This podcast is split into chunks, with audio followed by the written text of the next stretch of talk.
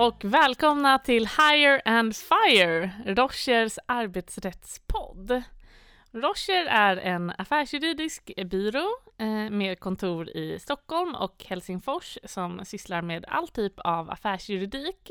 Och vi som gör den här podden, vi sitter på Rochers eh, kontor i Stockholm mitt namn är Victoria Bergholtz. Jag jobbar normalt sett som senior associate och advokat i vår arbetsrättsgrupp, men just nu så är jag tjänstledig från Rocher och är eh, utlånad till ett företag där jag jobbar med arbetsrättsfrågor. Men eh, jag vill ju självklart fortsätta att göra den här podden, så jag är tillbaka i studion för ett litet gästspel. Och jag sitter här tillsammans med min kollega jag heter Elin Osbeck och jobbar som associate i arbetsrättsteamet och jag är inte utlånad. Normalt sett så brukar ju vår delägare Jenny Velander Wadström komma in och svara på lite frågor. Men det här avsnittet så har vi en speciell gäst som är vår eh, delägare i immaterialrättsgruppen, Erik Fix. Och Erik, kan du berätta lite kort om vem du är? Absolut, tack så mycket. Eh, Erik Fick som sagt, delägare i vår immaterialrättsgrupp. Eh, har varit på Rocher hela min karriär. Eh, och eh, faktiskt jobbat lite med arbetsrätt i början av min karriär också. Så att det inte är helt obekant mark. Kul att få med. Mm. Och anledningen till att vi har Erik här idag är för att dagens avsnitt kommer att handla om företagshemligheter, vilket Erik jobbar mycket med. Och vi ska framförallt försöka reda ut vad en företagshemlighet egentligen är. Och vi kommer att prata om varför det är viktigt för ett företag att skydda sina företagshemligheter och vad man som arbetsgivare behöver tänka på när man ska skydda företagshemligheterna.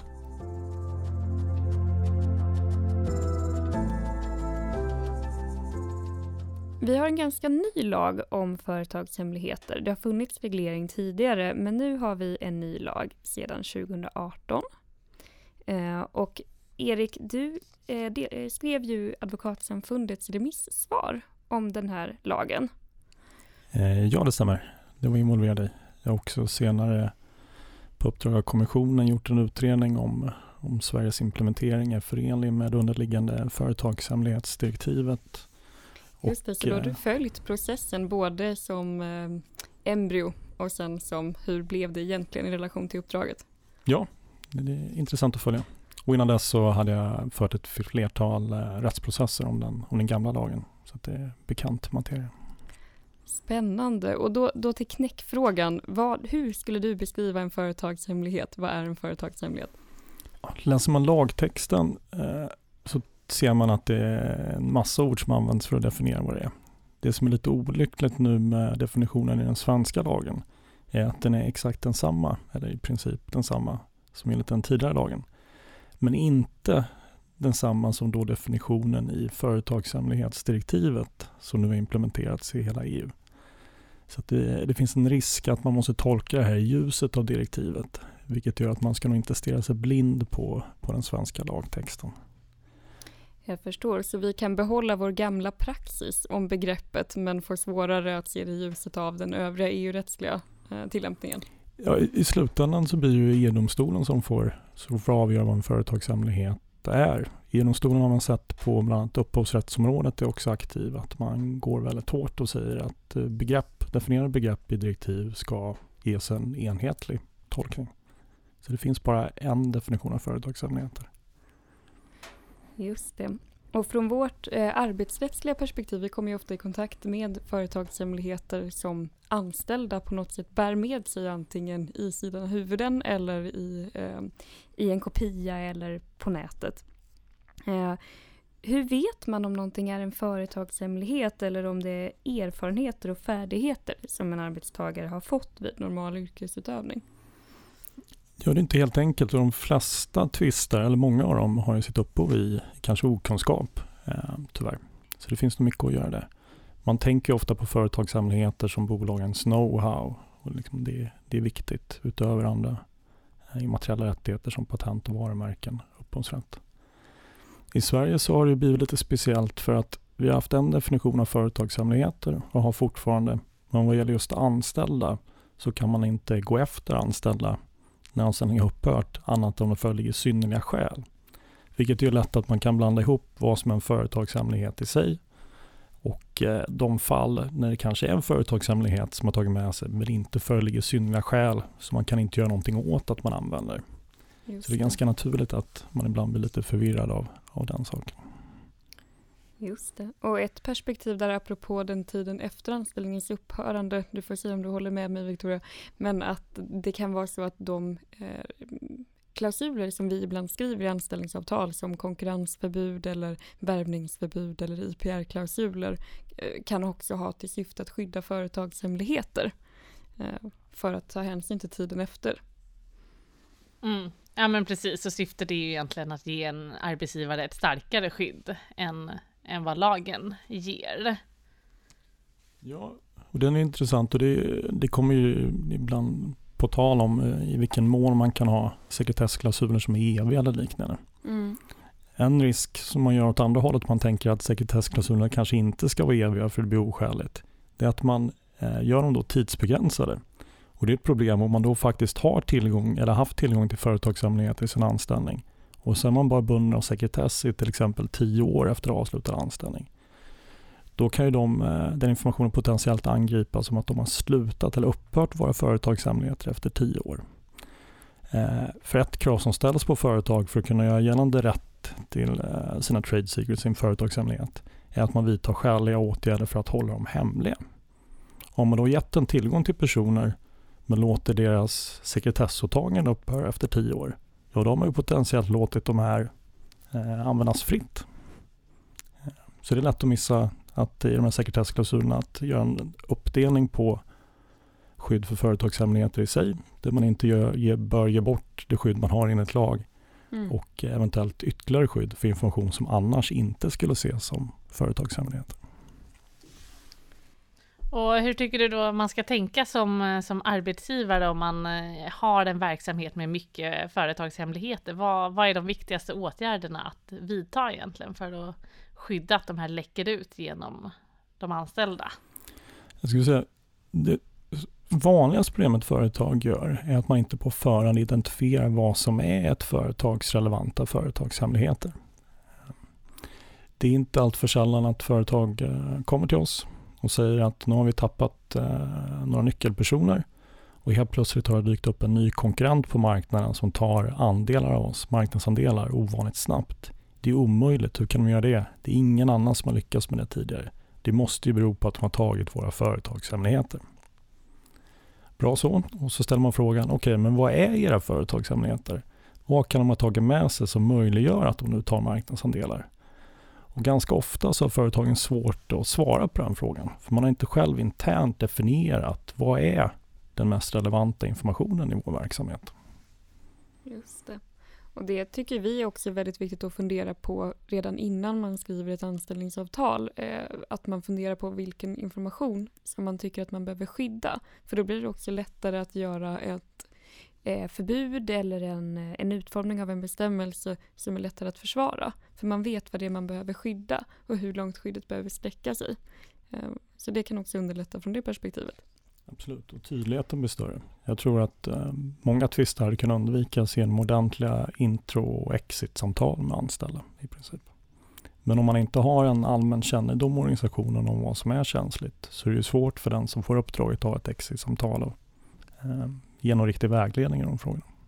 Det låter nästan lite moment 22, man är skyldig att försöka hålla dem hemliga eh, och inte kanske sprida dem till en för stor krets och så samtidigt måste man veta det eh, när man då har de här exit-samtalen. Nej, absolut. Eh, det blir utmanande. Företag som sköter det här riktigt bra ser ju oftast till att dokumentera sina företagshemligheter och ha någon sorts internt klassificeringssystem och då man också har koll på vilka personer som har tillgång till det. Att det i övrigt är låsta system för de som inte har det.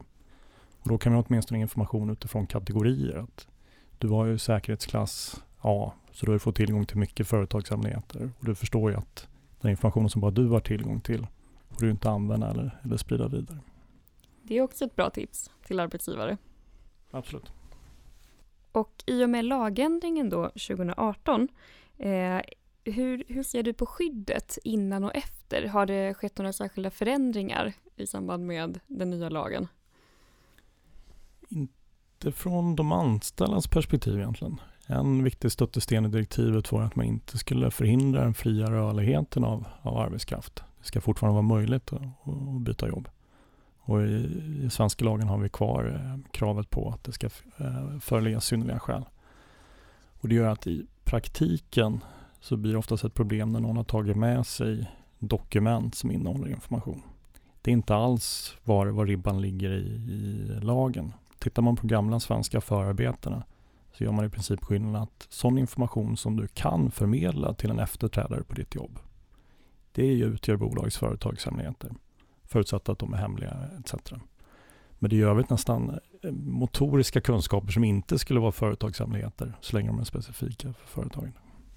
Så att eh, till exempel memorera en kundlista, det skulle kunna ändå vara ett angrepp på en företagshemlighet. Ja, absolut. Så blir det en fråga om det, om det är synnerliga skäl i övrigt. Men i direktivet ställs egentligen krav på att alla angrepp på företagshemligheter som är uppsåtliga ska man gå efter. Så i svensk eh, rätt så måste vi nog eh, dra likhetstecken mellan synnerliga skäl och uppsåtliga angrepp. Annars är vi nog inte förenliga med, med direktivet. Det framgår också uttryckligen av direktivet, men tyvärr inte av svenska lagen, att eh, på samma sätt att sammanställningar av annars känd information, men där sammanställningen i sig då är specifik för företaget och, eh, och hemlig, kan utgöra företagshemligheter. Det är annars en vanlig invändning man får mot just kundlistefallet att ja, men vem som är kontaktperson på företag eller vad företagen har för adresser, det kan jag hitta på gula sidorna. Det kan inte vara företagshemlighet. Men just att det är det specifika bolagets kunder och den sammanställningen kan ofta ha ett, ett stort kommersiellt värde och något man inte får, får använda senare. Och eftersom det ju då ändå finns en reglering som gäller att man inte får göra angrepp på företagshemligheter, då kan man ju som arbetsgivare vara lite orolig när man rekryterar en ny anställd. Tänk om den kommer med företagshemligheter med in i verksamheten. Vad gäller i ett sådant läge? Ja, där har egentligen eh, risken blivit mycket större i och med den nya lagen jämfört med, med den gamla regleringen. Det finns till exempel inte kvar att eh, god tro skulle vara en ursäkt. Eh, inte den bemärkelsen, du är fortfarande ansvarig och måste sluta använda företagshemligheter.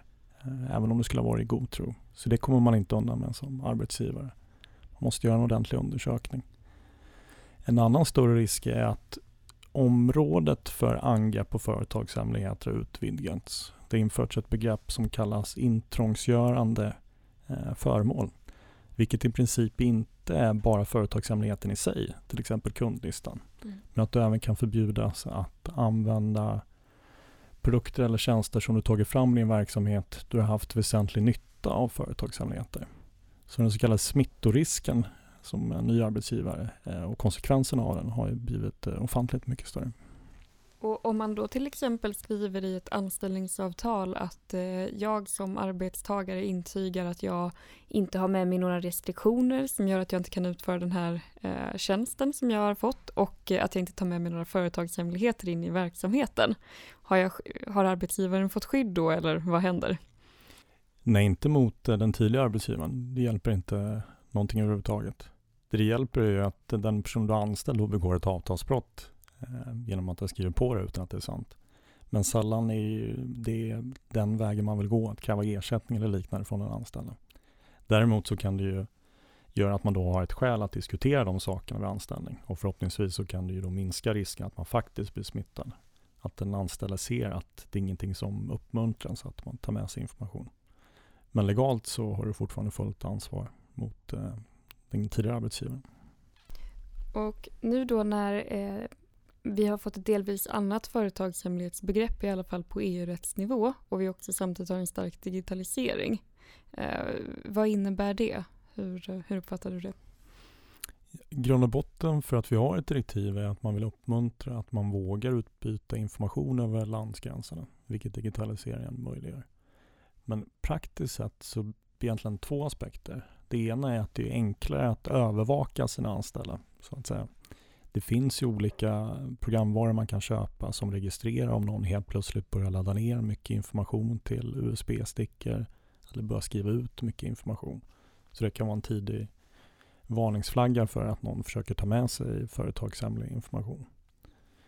Å andra sidan så ser vi en ökad tendens att eh, de digitala verktygen i sig, eh, datorer och mobiltelefoner, ses som någonting som man gärna låter sina tidigare anställda behålla. Eh, ta med sig sin mobiltelefon och att man inte har alltid några klara rutiner hur de här raderas. För idag om du har all mail på din information eller du har kunnat på olika sätt ladda ner eller tagit till olika molnlösningar så är det ofantligt mycket enklare att ta med sig väldigt relevant information. Du kanske inte ens, som man gjorde tidigare då, eh, säg för tio år sedan, att man mejlade kundlistan till sitt Hotmail-konto innan man slutade. Utan nu kanske den redan ligger på mejlen för att du legitimt fick den skickad till dig tre månader tidigare i tjänsten. Men så har du kvar den i mobilen. Och det, det ökar ju de praktiska riskerna väldigt mycket. Men det lät ju också som ett väldigt bra tips tycker jag. Eh, fler tips till arbetsgivare då att överväga den här typen av programvara som registrerar eller skickar en varningsflagg eh, om att man har börjat ladda ner mycket material. Har vi något, eh, vad heter en sån tjänst? Kan vi tipsa? Nej, inte några enskilda företag. Det finns olika lösningar. Mm. Eh, I Sverige har vi sett en del, en del bolag tycker att man behöver MBL-förhandla innan man gör det. Så det, det är väl värt att ta med sig också om det är så pass ingripande. Men ett mer praktiskt tips som alla kan göra utan att köpa dyra programvaror är just att vara noggrann med att låta tidigare anställda behålla utrustning utan att eh, städa dem innan. Eller i fallet att man tar tillbaka utrustningen, då inte städa dem så snabbt. Till exempel om man lämnar tillbaka sin laptop, att hålla den i karantän i sex månader för att se om någon tidigare anställd, att det börjar synas signaler att någon använder information som man inte vill att de använder. För då kan ju den tidigare laptopen vara ett oerhört bra bevismedel att då genomsöka den för att se om man har sparat ner information på ett sätt man inte borde göra, mejlat sig själv eller använt ett Dropbox-konto på sin jobbdator. Och om man då får reda på att en, en före detta anställd har tagit med sig information som utgör en företagshemlighet, vad skulle du säga, vad ska man eh, göra i ett sådant fall som arbetsgivare? Eh, om det inte har, det har inte skett någon skadegörande handling, men man vet om att den anställda har tagit med sig företagshemligheter. Vad bör man då vidta för åtgärder? Ja, lagen ger ett ganska bra skydd. Man kan eh, vidta åtgärder via domstol redan om man tror att det finns anledning att tro att någon snart kommer att använda företagshemligheter. Man kan också få skadestånd, eh, allmänt skadestånd utan att man ännu har lidit någon skada vilket ska sättas på en nivå som ska vara avskräckande. Så i praktiken få som ett, eh, ett vite genom ett avtalsvite fast genom eh, lagen i form av skadestånd. Men om man då stämmer in i domstol på grund av ett angrepp mot företagshemligheter, eh, kan man då på något sätt undvika att de här företagshemligheterna då blir offentliga genom tvisten? Har du något tips där? Den är, den är inte helt enkel. Eh, man ska ju få sekretess i domstolen för företagshemligheter. Något som eh, många missade var att fram till den, nya lagändringarna så var den tiden begränsad till 20 år. Det vill säga, hade du företagshemligheter som du potentiellt ville skydda i 100 år så var det väldigt dumt att stämma in dem till domstol. För då begränsar du ditt eget skydd till, till 20 år. Nu med nya lagändringar så kan du hålla dem hemliga även hos, eh, hos domstol så länge de i övrigt är, är företagshemliga. Och hur ska man som, eh, som arbetsgivare då tänka kring att ta någonting, eh, ta en tvist till domstol vad gäller företagshemligheter? Generellt ska jag säga så att bevisningen blir ofta väldigt utmanande. Man får jobba mycket på indicier. Det är sällan man hittar någon riktig smoking gun. Så det man i första hand bör göra för att undvika tvister är att ha bra rutiner med intro och exit-samtal som vi nämnde för att säkerställa att det inte läcker ut företagshemligheter eller att man inte heller smittas av dem. Men om det ändå händer så tror jag nyckeln är att ha ett strukturerat tänk och identifikation om vad man själv ser som sina företagshemligheter och vilka som har lovlig tillgång till dem. Och sen i den mån det går försöka då eh, spara material där man kan hitta bevis på att någon till exempel har laddat ner eller mejlat sig själv eller på olika sätt hanterat informationen på ett sätt som inte borde ske inom ramen för tjänsten. Ja, det låter som väldigt kloka tips. Och med eh, de orden så avrundar vi det här avsnittet av Hire and Fire om företagshemligheter. Så tack så mycket Erik för att du ville medverka i det här avsnittet. Tack så mycket. Och som vanligt får ni gärna höra av er till oss på at rochier.com om ni har några frågor eller önskemål eller bara allmänna kommentarer till mig och Elin. Så tack så mycket för att ni har lyssnat på det här avsnittet och vi hörs i nästa avsnitt. Hej då! Hej då!